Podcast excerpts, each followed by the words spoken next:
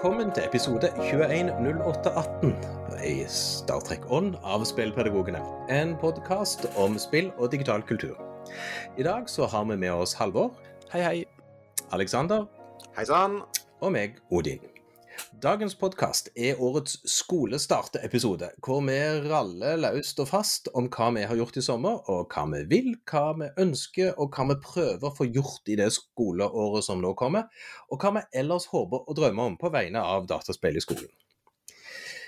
Og det er nesten en plan med at det er oss tre som er med i dagens episode om skolestart. For det er nemlig vi som ennå er kobla nærmest klasserommet av gjengen. Og vi har alle tre noen spennende ting på lur som vi skal snakke litt om. Men før vi gjør det, så tar vi noe smågodt på veien. Og det kommer vel sikkert til å handle mye om hva vi har gjort, eller Halvor? Ja, det, det gjør jo ofte det i denne delen av podkasten, gjør det ikke det? Får vi lov til å Jo. si litt om eh, spill vi har spilt og ting vi syns er gøy. Ja. Um, for min del så er det to ting som jeg eh, har vært eh, holdt på med, iallfall de siste ukene. Det er et spill som heter It Takes Two, som er um, egentlig et svensk spill. Uh, Laga av um, Var det Fares Fares? Uh, han som Ja. sto bak Brothers. Uh, og så begynte jeg å spille ja, det det, Ja. han har også det fengselsspillet, Ja, som riktig. Som sånn samarbeidsspill. Ja. Mm. Nei, men det er samarbeidsspill, ja. Og, eh, og jeg begynte å spille det med kona mi, eh, fordi at jeg tenkte vi kunne ha noe å spille sammen. Og så så var det veldig gøy, men så er det tid og sånn som gjør at vi gjerne ikke alltid får tid. Så jeg fortsatte å spille det med, med sønnen min, og, og liksom, historien i dette spillet er at det er et, um, et ektepar som holder på å gå fra hverandre, og så um, er det ei datter da som som gjør disse voksne om til to dokker som må samarbeide for å komme seg gjennom en haug med hindringer. Det er et kjempe, kjempebra laga spill. Eh, det var veldig gøy å spille det sammen med, med eldstemann, rett og slett, i huset. Vi har hatt noen gode spilløkter i lag. Um, eneste aber med det er at det er litt langt. Uh, sånn at vi Han er gått litt lei, han da. Uh, og det har egentlig jeg òg, for å være helt ærlig. Så det kunne ha slutta for en stund siden. Men um, et veldig bra spill. Og så kom jeg over et til. Um, et helt annerledes spill da, for um, jeg tror det er fem- fem-seks dager siden.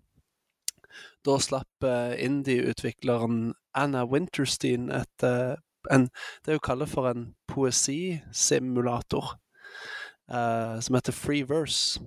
Og det er et bitte lite spill der du er utafor ei hytte i skogen ved en innsjø og, og vandre rundt. Og så av og til så, så er det et eller annet interessant, og da dukker det opp ord. Eh, og Da kan du trykke på en knapp, og så får du opp litt sånn ulike mm, fraser som Hvis du syns de er bra, så kan du adde de til inventoryen din. Da. Så når du har en inventory, så kan du gå bort til en skrivemaskin og, la, og skrive dikt som eh, genererer litt seg sjøl, da. Og det er et kjempekoselig eh, poesigenerator som jeg tenker hadde vært gøy å bruke i klasserommet. da, fordi at her får man liksom hjelp til å ja, til å skrive et dikt som ikke nødvendigvis Det er sånn, litt sånn nonsensical, eh, litt sånn halvsurrealistiske greier, men, men det blir fine ord ut av det. da. Så det, det har jeg holdt på med litt. Mm, spennende. Ja. Eh, Og du Alexander, hva har du for noen uh, smågodiser på veien? Nei, jeg har jo spilt eh, Jeg sp- jeg har spilt en del mine døtre i sommer, da. Det er jo eh, gøyere og gøyere. Nå er jo eh, min eldste Min eldste hun ti, begynner i, begynner i sjette klasse, og yngstejenta mi begynner i, begynner i andre. Og jeg, jeg tror jeg har snakket eh, både i det vide og det brede om Switch som bare den ultimate familiekonsoll eh, konsoll tidligere. Og da spesielt disse her couch co-op-spillene, altså spill hvor man Ja, så det blir vel som eh, uh, It Takes Two. At eh, eh, spill hvor man eh, spiller på lag, rett og slett. Og da særlig kanskje sånne type puzzle eh, eh, eh, Altså en puzzle-spill. Og det er jo fordi Altså, Uh, selv om min, uh, min, datter er nå etter hvert uh, Min yngste datter, da. Hun er blitt ganske bevandret i spill etter hvert. Men det er, det er, fremdeles en del som gjenstår på disse her hurtige, hurtige reaksjonene og febrilsk knappetrykking. Sånn Altså, for all del, hun kommer nok til å ta meg igjen i løpet av et år eller to nå. Men enn så lenge, da. Så spill hvor man kan på en måte slappe litt av, snakke seg gjennom ulike løsninger, det er på en måte det som er greie for oss. Så da har vi spilt masse nå i sommer. Uh, uh, et uh, spill som heter Det heter Degrees of Separation. og Grunnen til vi begynte å spille det, var fordi at Viktor Sotberg, begge mine døtres store helt, som da er programleder på FlippKlipp på NRK Super. Uh, han spilte Degrees of Separation, da måtte vi også, vi også prøve det. Og det handler det, Her er det, det er i bunn og grunn et eh, spill. Det er norsk spill, dette er også, for så vidt. Uh, Uh, hvor man styrer en uh, flammejente, eller en jente fra ilden, og en, uh, altså, og en gutt fra ja, isverden, da, hvis vi kan kalle det det.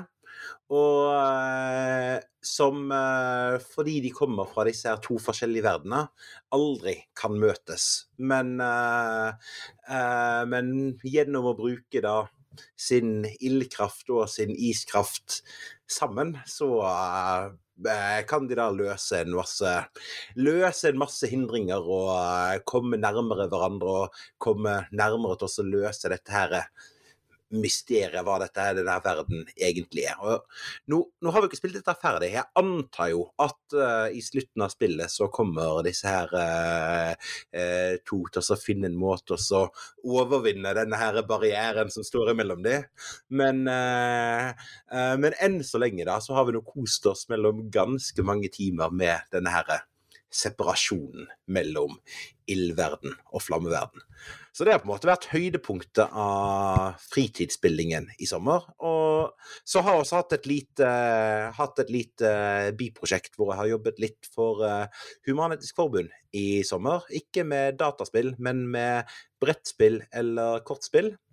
Da har vi laget et uh, Sammen med en uh, Sammen med en liten, liten gjeng fra spillutviklingsmiljøet i Bergen, så har vi laget et spill om tankefeil, eller å gjenkjenne tankefeil, eller logical fallacies, da, som uh, det kanskje er mer kjent som, uh, kjent som på norsk. Uh, og der ble vi Nå sendte vi av gårde aller siste versjon av det i ja, i dag er det onsdag den 18. i 8. Vi sendte det av gårde tirsdag den 17. i 8. Uh, og hvis alt går etter planen nå, så skal det brukes, av, uh, brukes i konfirmasjonsopplæringen i hele Vestland i år, og i hele Norge neste år, hvis det går sånn som vi håper. Og det, det tror jeg det, for det er jo et knakende bra spill vi har laget. Så, så, bra. Her må, må, du legge en applaus her, Odin, på når du mikser denne episoden. ja, det skal vi få til. Det skal vi få til. Uh, ellers så, det jeg har holdt på med Jeg har jo også spilt spill. Jeg har spilt fryktelig mange spill, egentlig, i den min evige jakt på gode spill til, til undervisning. Og jeg har faktisk òg vært borti i tekstur og ikke spilt det særlig mye med, med 14-åringen i huset. Og vi syns begge det er et kjempebra spill, så vi kommer nok til å spille det mer. Men jeg tror òg, som du sier, Halvor, Eh, bare vi for så vidt har sett litt hvordan det er lagt, at det kan nok bli langt. Variert og kjekt hele tiden, men langt. Og så kom jeg på, jeg satt og lurte på en stund, Alexander, hva det spillet egentlig du prøvde å beskrive var, det der med 'Degrees of Separation'. Og så når du sa det, så jeg, jeg har spilt det, men jeg har bare spilt alene. Og da var det ikke gøy. Å oh, ja, jeg visste ikke engang at det gikk an å spille det alene. Jo, uh, men det var ikke særlig spennende. Ja, for det, da, da, må du kanskje skifte bytte mellom hvilken karakter Ja, det, det høres dritkjedelig ut. Uh. Ja, så, og det var det jeg syntes om spillet òg, så å la det litt sånn vekk. Men ellers, det som, som jeg har nå eh, jeg, Det er kanskje ingen hemmelighet, men jeg har jo helt dilla på ut, utgiveren Annapurna av, av indiespill. Jeg, jeg, har konkludert med at de har ikke gitt ut noen ting dårlig. Og under den overskriften så har jeg jo da spilt de spillene jeg naturlig ikke ville spilt av de. Uh, og jeg satte meg jo ned her for noen dager siden med den Sayonara Wild Hearts, som er egentlig vel det du kan kalle et rytmespill. Det er det mest sinnssvake, flotte spillet jeg har vært borti på en god stund. Og jeg har konkludert så langt så det er årets beste spill. Uh, selvfølgelig innenfor sin sjanger, men gud bedre for et spill. Det var kjekt å spille fra jeg begynte til jeg spilte gjennom det. Det tok en drøy time å spille gjennom hele spillet. Uh, og det, det, var bare en opplevelse. Det er så mye genialt i det spillet, og de har utforma det på en så flott måte. Uh, og, og for så vidt Rytmespill er jo kanskje ingen hemmelighet hvordan det virker, altså, men det, du er jo et actionspill bare knytta til veldig til musikken i spillet. Men altså det visuelle uttrykket, musikken i spillet og det de har klart å lage av en slags rammefortelling rundt det, uh, fabelaktig. Svenske utviklere, og, men, som du ikke har hørt om før, men som da Anna Purna klarer å plukke opp og utvikle videre. Og det som er jo kjekt, er at Annapurna er jo et stort amerikansk selskap etter hvert, og de har gode kontakter inn i filmverden. Så de klarer å plukke med seg en del kjente skuespillere som lager stemmer og forskjellige andre ressurser til det. Og så oppdaget jeg òg at de skal jo komme ut med et nytt spill til, som jeg har jo tipsa dere to andre om òg, eller spillgjengen. Det er den Storyteller. Eh, der du skal spille historie, eller der du skal lage historier som en slags puzzlegåte. At du får en sånn der eh, Romeo og Julie-fortelling som du skal lage bare med å sette inn ulike elementer av en fortelling, og så har de lagt et spill ut av det. Det ser kjempegøy ut. Mm. Det, var, det er absolutt en, en eh, del av engelskundervisningen, tenker jeg. Eller det kan være en del av all slags skolerelaterte greier, men, men det er jo et kjempebra så, så, det å sette sammen en historie på den måten der, det, det gjør at eh, det spillet er som tilgjengelig for veldig mange eh, elever, tenker jeg, som kan få mye ut av den, game, det gameplayet der, altså. Ja, og, og det, så det, det, er en demo ute nå som jeg tror ligger ute noen dager til. Så dere som hører podkasten, gå inn på Steam og søk etter Storyteller og se om det er der ennå. Og når fullversjonen kommer, jeg tenker dette bør komme ganske høyt opp på listen av spill vi bør ha spillsirkel på uh, senere. At ja. uh, dette er noe som kan diskuteres uh, en hel del mer i, på en senere episode. Ja, jeg tror det spillet er en innertier til brukerundervisning på så mange plan, faktisk. Og ikke bare i engelsk, den, den vil jo fungere fabelaktig i norsk òg. Uh, ellers så må jeg bare nevne da, det er et par andre flotte opplevelser. Det er et spill som heter Overboard, som er et slags omvendt mordspill. Uh, det har skjedd et mord, og du er morderen. Og du har nå åtte timer på deg til å prøve å skjule at det er du som er morderen, for båten du er på, kommer til land i New York. Og bare den lille vrien i en sånn mysteriefortelling var helt fabelaktig å, å spille. Der du, alle valg du gjør i spillet, hvor du går om bord på båten, alt betyr noe i forhold til om du kommer til å bli avslørt. Og så er spørsmålet klarer du å legge skylden på noen andre. Klarer du å få hele historien til å endre seg til din fordel? Uh, ellers Pico Park er et samarbeidsspill som var bedre enn jeg trodde. Death and Taxes, som var bare en underlig sak der du, skal, der du er døden og skal bestemme hvem som skal leve og hvem som skal dø, uh, på ordre fra en over deg. Og så spørs det om du følger de ordrene eller ikke, om det betyr noe eller ikke og hvordan du reflekterer over hvem som skal dø, og hvem som ikke skal dø. Uh, 'Bury Me, My Love' var eh, en liten opplevelse, rett og slett. Som, det er et mobilspill der du har mobilen til en ektemann, en, et ektepar, der du er mann og du har mobilen og er i Syria, mens kona di har fått nok, hun er lege, og flykter fra Syria og det, dere har en forbindelse mellom mobiltelefoner, og hele fortellingen blir fortalt gjennom tekstmeldingene mellom de to. Og valgene som du som ektefelle da kan være med og gjøre sammen med henne. Uh, og så egentlig se hva er det som skjer. Jeg tror spillet har 40 når noe sluttpunkt, så du vet når det begynner ikke egentlig hva som kommer til å skje. Og, og, det var en, en sterk fortelling som er òg vel verdt å ha sett på både som mobilapp eller som spill til PC.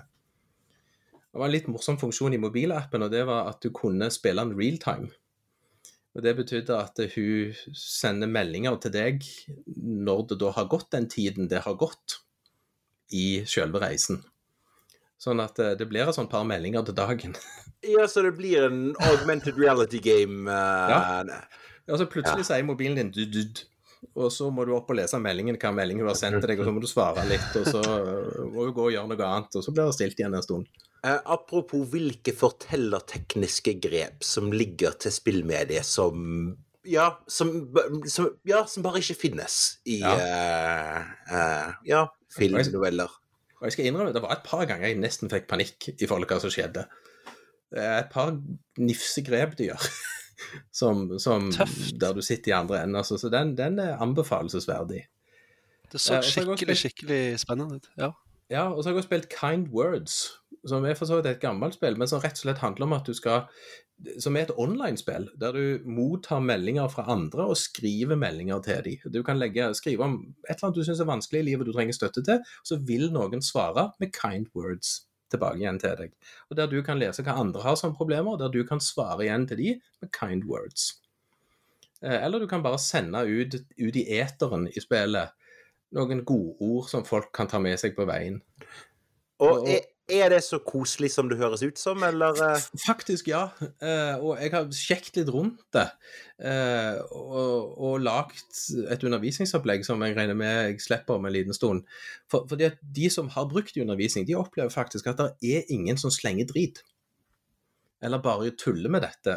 De har en viss form for sensur, tror jeg, men de, de har opplevd, de som lagde spill òg, at de trenger nesten ikke det. Folk er oppriktig positive og vil prøve å hjelpe. Så bra. Så, så det òg var en sånn kjekk. Ellers verdt å nevne et Runo, et spill som egentlig er et lite finsk eh, konstruert eventyr. Gratis å spille, pent og vakkert og interessant. Mini-motorways, som var veldig kjekt å lage sånne små veier i byer. Dorfromantikk, eh, som er et slags puslespill der du skal lage en, en, en vakker liten romantisk dorf med landsby og hus og sånne ting. Og Filament, som er et puslespill som var grusomt vanskelig. Eh, og det var jo litt gøy, for det var så fryktelig vanskelig. Jeg spilte gjennom Superliminal igjen, og det var verdt å spille, så dere som ikke har spilt det, spill det. Og så et sært spill som heter Genesis Noir, som handler om verdens skapelse fortalt gjennom et slags noir perspektiv i en detektiv eh, med gammel, tøff musikk og litt sånne ting. Eh, ordentlig sært. Eh, jeg vil bare kommentere til lytterne som nå ikke ser oss, at eh, meg og Halvor har fått litt mer farge i sommer enn det Odin har. ja, det er bare fordi det er litt bleikt lys. Og ellers en sånn siste ting som er selvfølgelig fullstendig nerdete, og det er at Embracelet kommer til Linux. Og Mattis Folkestad skal ha klapp på skulderen og alt det for at han gidder å gjøre det, for da er det faktisk mulig å spille en bracelet på Chromebooker for elevene. Uh, og for dere som der ute har lyst til å spille en bracelet på Chromebook, så er det å gå inn på itch.io og kjøpe det der, og ta gjerne kontakt med Mattis for å få mange lisenser. Uh, og snakk litt med IT-avdelingen, sånn at det går an å uh, åpne opp et Linux-vindu på Chromebooken. Eh, og hvis dere trenger moralsk støtte, så kan dere be IT-avdelingen ta kontakt med meg. Så skal vi nå alltids bli enige. Så, sånne, sånne ting har jeg holdt på med i sommer. I uh, jakten på de, de kjekke spillene. Og det, og det er kjekt å finne de òg. Og så har jeg vært på ferie òg, faktisk. Det er ikke verst.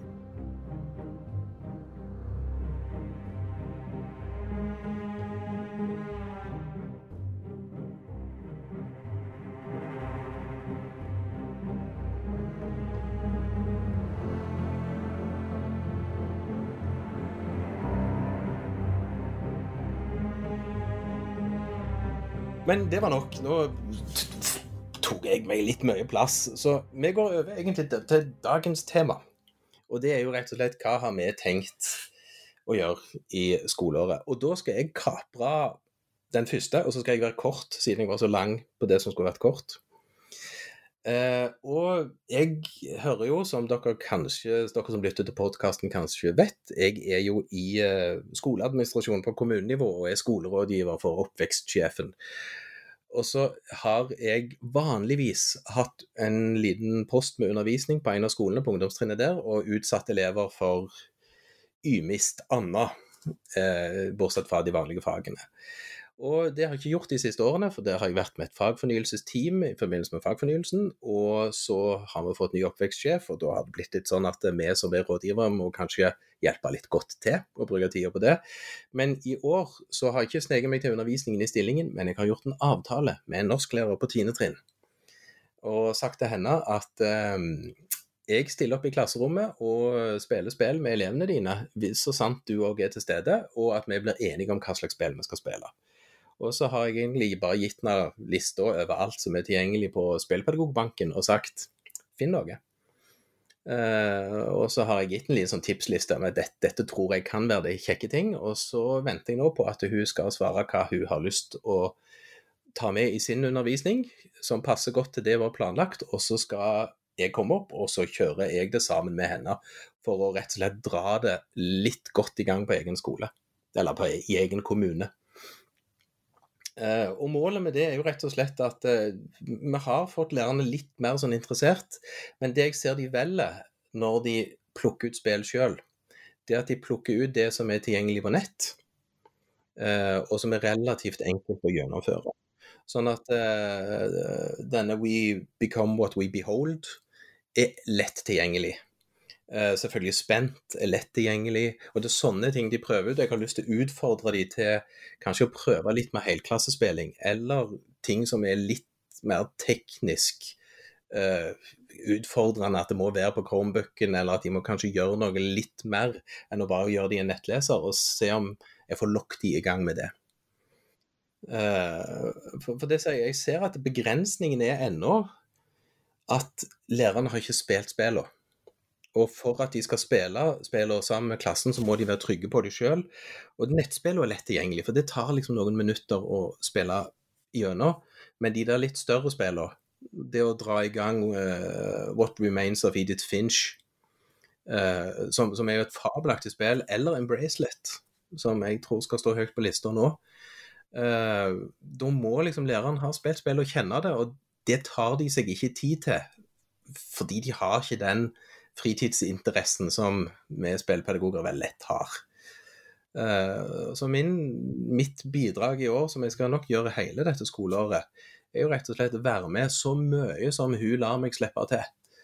Og så håper jeg at det er et par andre lærere òg på det trinnet, og kanskje et trinn unna som, som Odin, kan ikke du komme med i mitt klasserom òg, og så skal jeg være veldig positiv til det òg.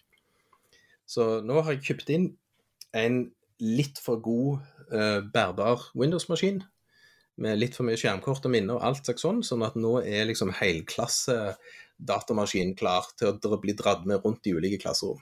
Nydelig. Ja. Det, det er min kortutgave, og jeg, jeg gleder meg. Jeg uh, syns jo det er kjekt å være i et klasserom, for å si det sånn. Det er ikke så spennende å sitte på et kontor. Nei, du skal jo bli sittende mye på kontor framover, Halvor. Ja, ja det skal ja, jeg. Det, du, har, eh, du har den store endringen i år, har du ikke det? Jo um, jeg var, det, var det et sort du begynte med nå? Nei, det var mer sånn uh, i retning av at ja, jeg, jeg, erkjenner at jeg ikke får så mye tid i begynnelsen av skolen, i alle fall til å holde på med spill i skolen, fordi jeg må lære meg masse systemer som jeg ikke har jobba med før. Um, fordi jeg òg har havna inn i skolelederrollen uh, som inspektør på en ungdomsskole i uh, kommunen min. Um, og det syns jo jeg er både veldig spennende og litt skummelt nå i starten. Men, men jeg òg har litt litt samme ambisjon, Odin, med, med å legge til rette for folk. Uh, når lærere ønsker å bruke spill, så tenker jeg at uh, det er i hvert fall noe jeg kan, og, og som skoleleder så har jeg jo lyst Jeg har lyst til å bruke skoleåret nå på å utforske litt de mulighetene som ligger i den rollen jeg har nå. Så får vi se hva, hva det er for noe, og hva slags begrensninger som er der. Det er klart, eh, jeg merker jo lett forskjell fra fylkeskommunal eh, forvaltning med tanke på ja, f.eks. dette med Chromebooker. Da, at vi, vi, bruker Chromebook i kommunen vår. og det, det, er litt mer tricky å få til spill i skolen på det, tenker jeg. Um, ja.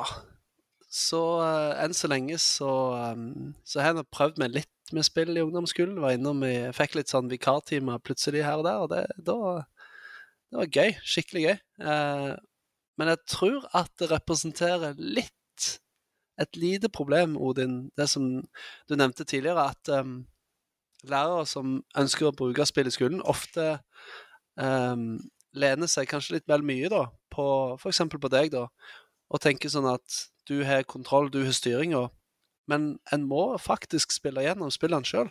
Mm. Og så tenker jeg det er jo kanskje en, en utfordring som vi må ta litt på alvor. Det å Hvis en skal ha med flere lærere, f.eks., eh, spesielt i, i engelskfaget som har et eksplisitt kompetansemål knytta til spill, så må en engelsklærer i dag faktisk spille spill. Bare ba, ba, bare med en Eh, kort sidekommentar der. Det, Ja, står- det, ja. det, det målet er ikke på ungdomsskolen lenger. Det er bare, Nei, nei, det er bare videregående skole. Men, men det litt sånn vi oss ikke om. videregående, men- Det, det bryr oss ikke om. Men, men, men det er fortsatt et gyldig poeng, tenker jeg, i den forstand ja. Altså, Er man lærer, iallfall i videregående, så må man jo på et vis faktisk ta seg tid til å sette seg inn i et uh, kulturuttrykk da, som, som nå er en del av skolen. Ja, og så uh, Som inspektør på ungdomsskolen så har jo du et ansvar for å gjøre disse elevene klare for videregående. Og uh, jeg tenker jo det at det å komme til, komme til videregående med en solid kjennskap til spillmediet også, det er i alle fall ingen ulempe. Nei, Nei men, men Nei det da. som jeg har lurt litt på i den diskusjonen her Nå kan vi med tre lærere og skoleledere litt sånn i ulike varianter uh, spørre det. Altså, vi, vi er jo enige om at lærerne burde spilt spill for å kjenne spill som kulturuttrykk. Uh, og, uh, og du Alexander, har jo det som en, din egen utfordring i boka Mm. vår, som, som, som en ting. Og så tenker jeg det er jo akkurat den samme utfordringen i forhold til bruk av spill. Nei, bruk, av film i undervisning. Mm. Eh, og for så vidt òg bruk av bøker i undervisning. Bare for å ta det, altså Enten om det er en roman, novelle eller lærebok, så er det jo på en måte en sånn forutsetning der om at læreren kjenner det kulturuttrykket som skal brukes, uansett hva, hva det er. Mm. Og, og jeg kan jo liksom ikke huske at jeg som skoleleder noensinne noen gang har på en måte måttet planlegge og jobbe for at lærerne skal se en film, eller for at de skal lese en bok. Eller, eller altså, og, og, og det er jo det som blir annerledes her. Hvordan skal vi legge til rette for at de spiller et spill? Og så kan du si det at jo, vi må kanskje gi dem en datamaskin og gi dem spill, og så blir jeg litt sånn ja, men vi gir dem jo ikke filmen.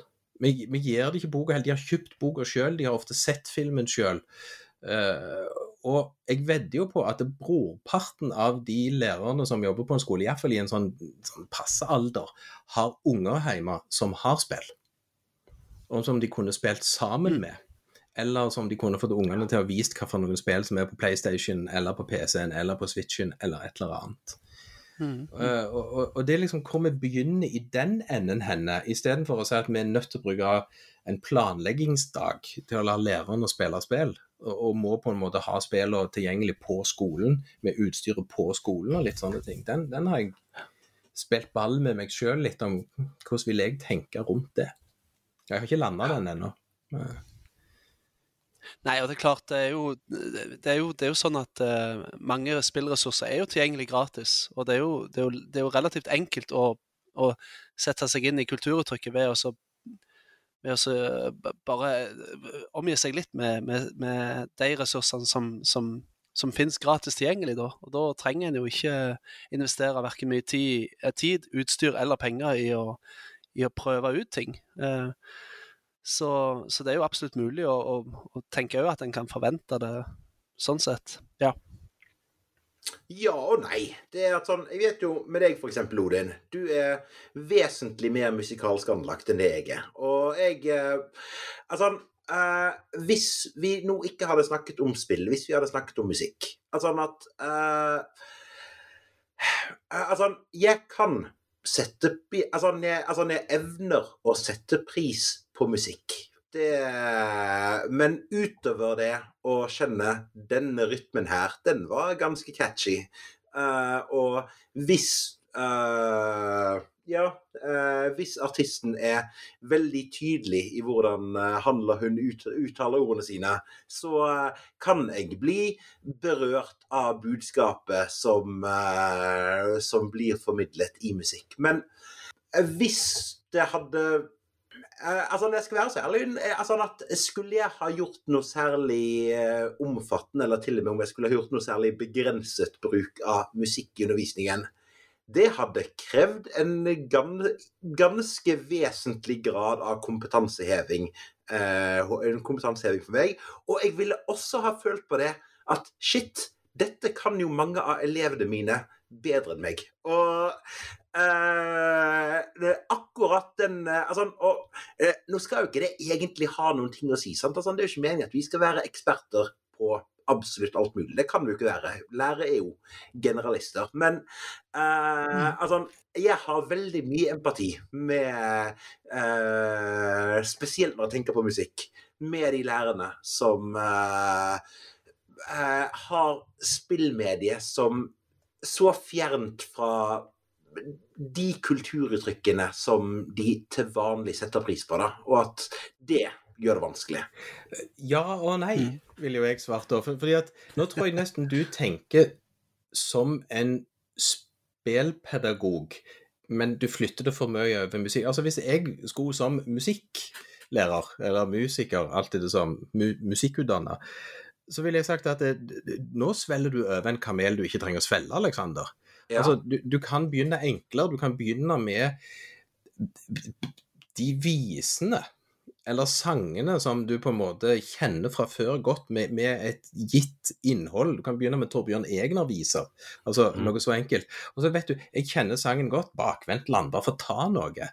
Og så kan du tenke liksom, ja, hvordan kunne jeg, nå skal jeg ha et tema der egentlig den sangen kunne fungert godt og ramme inn det som du skal tema, tematisk berøre undervisningen gjennom en sånn en sang eller vise. Og så selvfølgelig hvis du har et enormt repertoar av ulike musikkting som du på mer finurlig vis kan trekke inn og forklare for elevene, det kan du hvis du har mer kompetanse innenfor det kulturuttrykket, på samme måte som en spillpedagog kan. Men du har allikevel den altså, du, veldig få mennesker går rundt og ikke har noe forhold til musikk. Uh, for, fordi det er, sånn, det er, en såpass integrert del av kulturen en har vokst opp med det. Uh, så, så, jeg, så, jeg, tenker at spill tror jeg ennå er litt mer i det der utkanten. For det er veldig mange lærere som i praksis nesten ikke har spilt spill, selv ikke som, som barn. De har spilt kanskje brettspill, og, altså alt fra ludo til forsvunnet diamant og, og sånne ting. Eller monopol. Uh, som er jo en gjenganger her hos spillpedagogene. en vennlig hilsen til Tobias. Og, og, og derfor jeg tenker at det, eh, hva er det som, Hvordan kan vi få liksom lokt de utpå til å, å, kanskje kjenne noe mer enn de der litt enkle nettspillene som er grenselandsspill, men, men et, litt, et, litt, vanlig spill? Mm. Så og, og det ja. ja. Jeg har et spørsmål. Um, Kjør på. Er bakvendt bakvendtland i denne, denne, analogien her, da er bakvendtland et sånn gratis nettleserspill. Eh, et enkelt gratis nettleserspill, ikke sant? Og så kan man oppgradere til ja, hvilken viser skal man velge da? Jeg er litt vanskeligere vise, da, som krever litt uh, installasjon og klassespilling og litt sånne ting.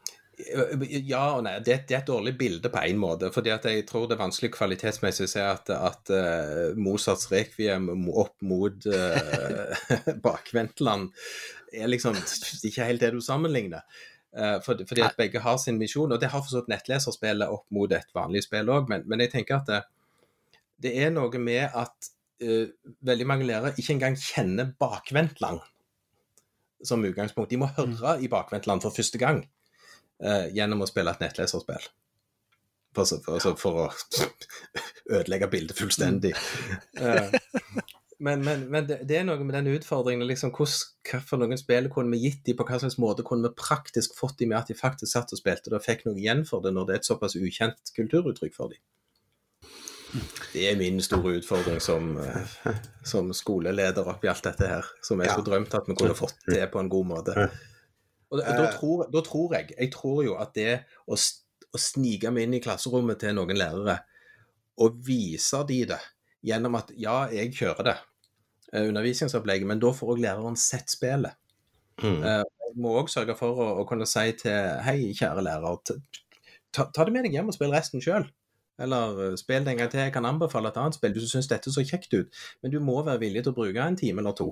Ja, og på akkurat dette så kan jeg bare skryte litt av eh, utviklingen på min, eh, på min egen skole. Det er at eh, eh, nå er vi etter hvert blitt ganske mange lærere som eh, både Altså både tar spill inn i klasserommet, utforsker spill på uh, utforsker spill på sin egen tid, og driver til og med også utveksler spillideer uten at jeg sitter, sitter, sitter på rommet engang. Sånn at det Altså eh, Vi har Altså, ja, på Nordlegrik videregående skole. Vi har ikke løst alle verdensproblemer, men eh, altså eh, Vi har fått til en kultur hvor dette her med spill er blitt sånn på ordentlig akseptert som en eh, som en ordentlig greie som det er verdt å bruke tid på. For mange, iallfall. Ikke for alle, men for mange. Nei, nei. nei du, alle, alle, vil du ikke få. Mm. Men, men, det som du nettopp sa nå, er jo en ren sånn skrøyteliste som alle dere som hører på podkasten, som er lærere, og som vet at jeg hadde lyst til å prøve dataspill i skolen, dere vet hvor dere finner et godt miljø hvis det er en ledig jobb, og dere bor i bergensområdet. Ikke sant, Aleksander? Absolutt. Ja. og bor man i bergensområdet også, det er jo også veldig godt mulig å komme på besøk til oss. Vi, nå når uh, Nå er nå Altså akkurat nå har vi jo stigende smittetall og sånne ting, men uh, uh, ellers nå når koronarestriksjoner etter hvert blir letta opp på, det er bare å komme på besøk. Vi syns det er så gøy å vise hva vi, hva vi holder på med borte hos oss. Mm. Og Da kan vi også bare legge til, siden dere er videregående skole, men det er vel òg Rothaugen ungdomsskole? Eller ja. Rothaugen skole heter det vel. For dere som er i ungdomsskole, mm. hvis dere tar kontakt med de, så er, det nok bare å komme på besøk der òg, sånn i praksis. Men ja, eh, Halvor. Du eh, har mm. sagt litt om det. Er, det. er det ellers noe du gruer og gleder deg til i den nye jobben? Oi. Uh, ja, det er ganske mange ting, egentlig. For det første, altså jeg gleder meg til jeg får oversikt. Det, det er en sånn ting som jeg syns er litt kjekt å ha, men som jeg ikke har akkurat nå. Og det, da tenker jeg, da ser jeg kanskje litt mer muligheter for å drive med det, sånn som der du er kommet, og drive, invitere meg inn i klasserom og, og være litt mer på, på tilbudssiden når det gjelder spill. da. Og så syns jeg at det er veldig kjekt å få meldinger fra tidligere kollegaer som lurer på hvordan en kan uh, bruke det og det dataspillet inn i sitt klasserom og sånn, så det, det, har jeg satt veldig pris på nå i skolestart. At det er at jeg fortsatt får har litt kontakt med folk i videregående som, som har lyst til å bruke ting. Mm. Og så mm. fikk jeg melding fra en, fra en eh, bekjent fra før av, som, eh, som, nå er lærer i ungdomsskolen, og som ville bruke My Child Lebensborn inn i, i 9. trinn. Og det syns jeg var veldig stas, å kunne være litt på den der veiledersida og mm. få lov til å og peke litt i retning av hva, hva kan man gjøre, hva muligheter finnes der, og, og sånne ting. Og det, det jeg liker det veldig godt, rett og slett. Så, og det er klart, med, når, når spillpedagogmiljøet vokser, så er det, jo, er det, jo, lettere for folk til å Altså det er lettere å få kontakt med noen som, som kanskje kan peke i retning av og vi har jo gjort det på mange områder, men, men jeg tenker sånn at um, nå i skolestarttida så er det litt sånn eh, Altså, er, er, man nysgjerrig da, som lærer? Er man, er man, ny lærer? Er man erfaren lærer som er litt nysgjerrig? Så jeg, jeg tenker det beste tipset nå, siden vi er i en sånn skolestartepisode, det er ta og, og eh, send den mailen, eller still det spørsmålet om, om hva, hva, kan jeg gjøre i, i, i, mitt klasserom. Fordi at det kan være at du får noen tips som, som er litt gøye, da og som tenner en slags liten ild som gjør at du har lyst til å jobbe videre, tenker jeg. Så det, det var min jeg hadde, jeg hadde, tenkt at jeg skulle komme med denne oppfordringen, i alle fall i løpet av episoden. Vel talt. Kjør på. ja.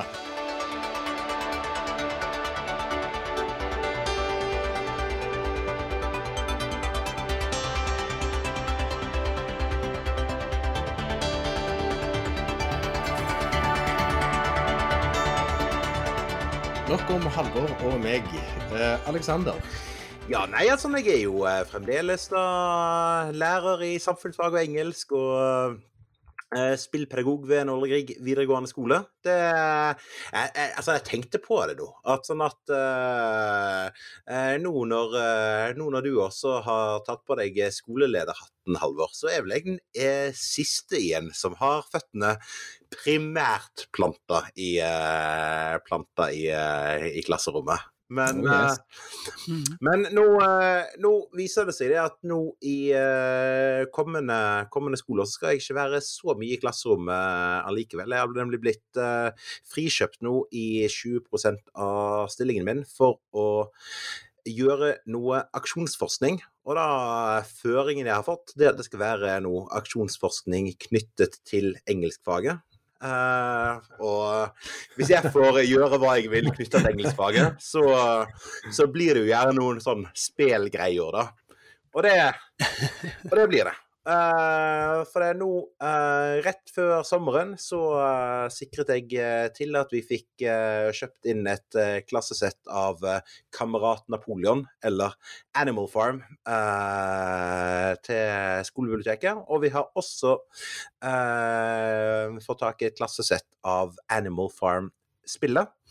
Og så helt hvordan prosjektet skal utformes ennå, det er jeg ikke helt sikker på. Men uh, vi skal i alle fall uh, drive med uh, remediering mellom da bok og spill, og se litt på eh, hvordan er det eh, Hvordan er det en historie kan skapes eller fortolkes når den flyttes fra, flyttes fra et medium til et annet. Mm. Og det jeg har tenkt at eh, i alle fall til under, om hvorvidt dette går inn i aksjonsforskningsbiten, jeg er ikke helt sikker på. Men noe av det jeg har lyst til å se på i klasserommet med elever, i alle fall, det er jo dette spørsmålet om hvem er det som har den narrative makten, enten når det gjelder, eh, enten når det gjelder eh, litteratur i form av tekst, eller det er narrativer i form av spill. For det er sånn, når vi leser, når vi leser bøker, sant? Det, er sånn, det, er jo en, altså, det er jo en forfatter bak som har bestemt hva er det som skal skje, i hvilken rekkefølge skal ting skje, hvordan skal ting beskrives. sant? Eh, vi har alle opplevd det, sånn at vi kan lese den samme litteraturen, men de, de bildene og det, det universet som vi som lesere skaper, det er jo ikke nødvendigvis det samme universet som eh, eh, Altså det samme universet som det forfatter i utgangspunktet har tenkt seg. Og eh, det ligger et eller annet her som jeg i alle fall har lyst til å jobbe en del med. med altså at eh, Hva er det som er handlingsrommet vårt, eller hva er handlingsrommet vårt til å skape historier når vi konsumerer dem, enten i form av spill eller i form av litteratur.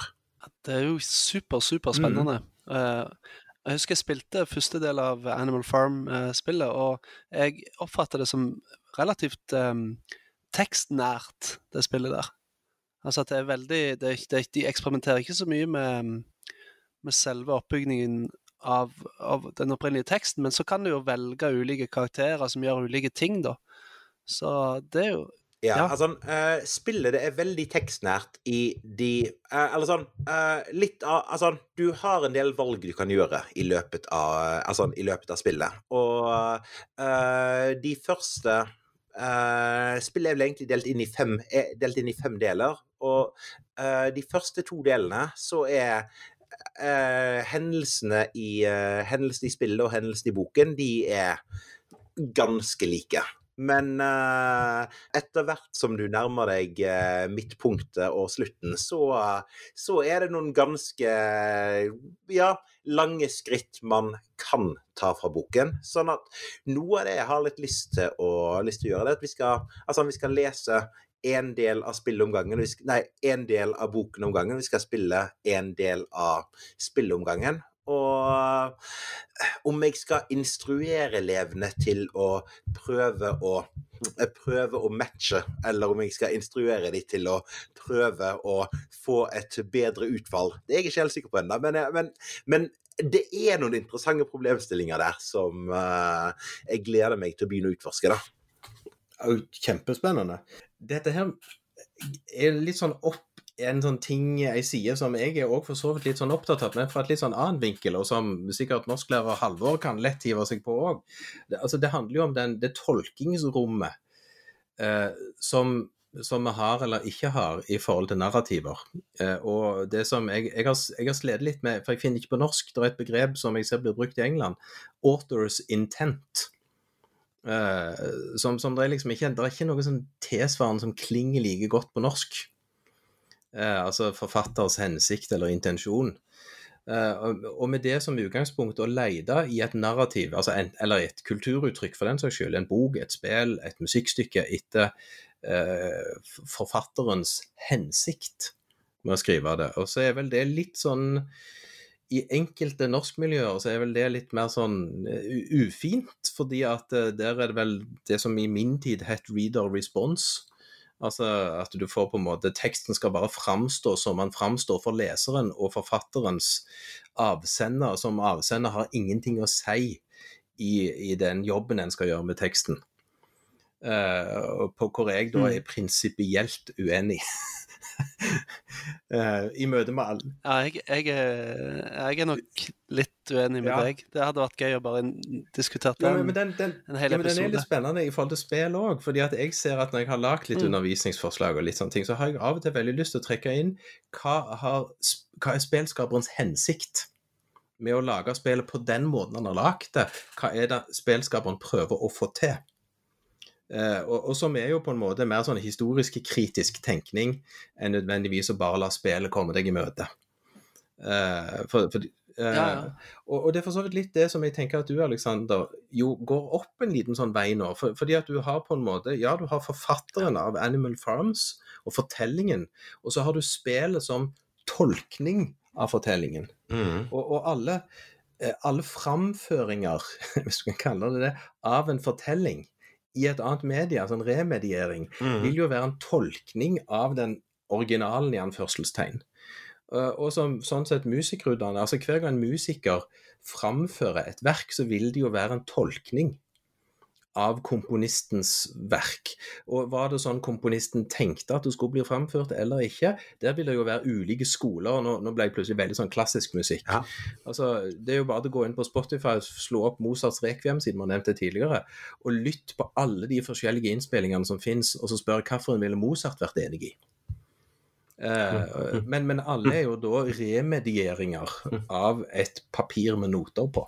Mm. Eller så kan man spørre, eller kan man spørre er det viktig at Mozart var enige nei, nei, nei, ja, altså, alle disse det, ulike versjonene. Det er et helt spørsmål, det òg. Og, og, du kan ende opp med å si at ja. Eh, jeg liker Bøhns innspilling veldig mye bedre, selv om den antageligvis ikke var antydningsvis til å høres ut sånn som Mozart sin utgave hørtes ut. Men det kan jo hende du liker den for det. Men det er allikevel lov å si at Hanon Kår sin utgave spilt på til så originale instrumenter som du får, med de begrensningene og de måtene du da må spille stykket på, kanskje er mer tro mot sånn stykket hørtes ut den gangen Mozart lagde det. Ja. Uh, og, og, og, den diskusjonen tenker jeg òg går an å ta i forhold til spill. Uh, og i den oppgaven som, som, du gjør nå, altså remediering av fortellinger i spill, og, og på en måte hva hva er lov å gjøre? Altså, det er kanskje refleksjonen rundt det som er vel så interessant, men refleksjonen kan jo nesten ikke være hvis du ikke har med utgangspunkt i at forfatteren eller spillskaperen har hatt en hensikt. Og så kan du reflektere om oppnår en denne hensikten, ut ifra hva en tror. Uh, og, og, hva er begrensningene? Har elevene et så annen kultur, kommer de fra en så annen kultur at de faktisk ikke forstår verken boken Animal Farm eller spillet Animal Farm, eller klarer å spille remediere fortellingen på en måte som gjør at elevene kan forstå det på en annen måte. Altså, ja, men dette blir jo en, en egen ja, for, og, eh, altså, Noe som eh, for så vidt også kunne vært interessant, da. Det hadde vært også eh, sperre elevene inne på et rom, ta fra dem tilgangen til internett og la dem lese Animal Farm uten å ha noen som helst mulighet til å sjekke hva Sparknotes eller Wikipedia eller hva enn har å si om det. Gi dem null kontekst overhodet.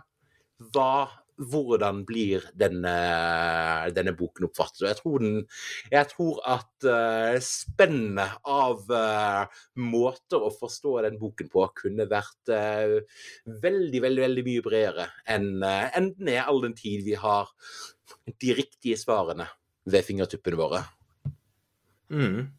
Og jeg, jeg tenker kanskje at vi er nesten tilbake igjen til det som vi for så vidt jeg òg begynte med, dette med, med læreren og dataspillet. Altså i forhold til Det blir en slags forståelse av hva kultur er. Altså kultur er det som gjør at vi kan kommunisere sammen. Og er kulturene for ulike, så kan du ikke kommunisere.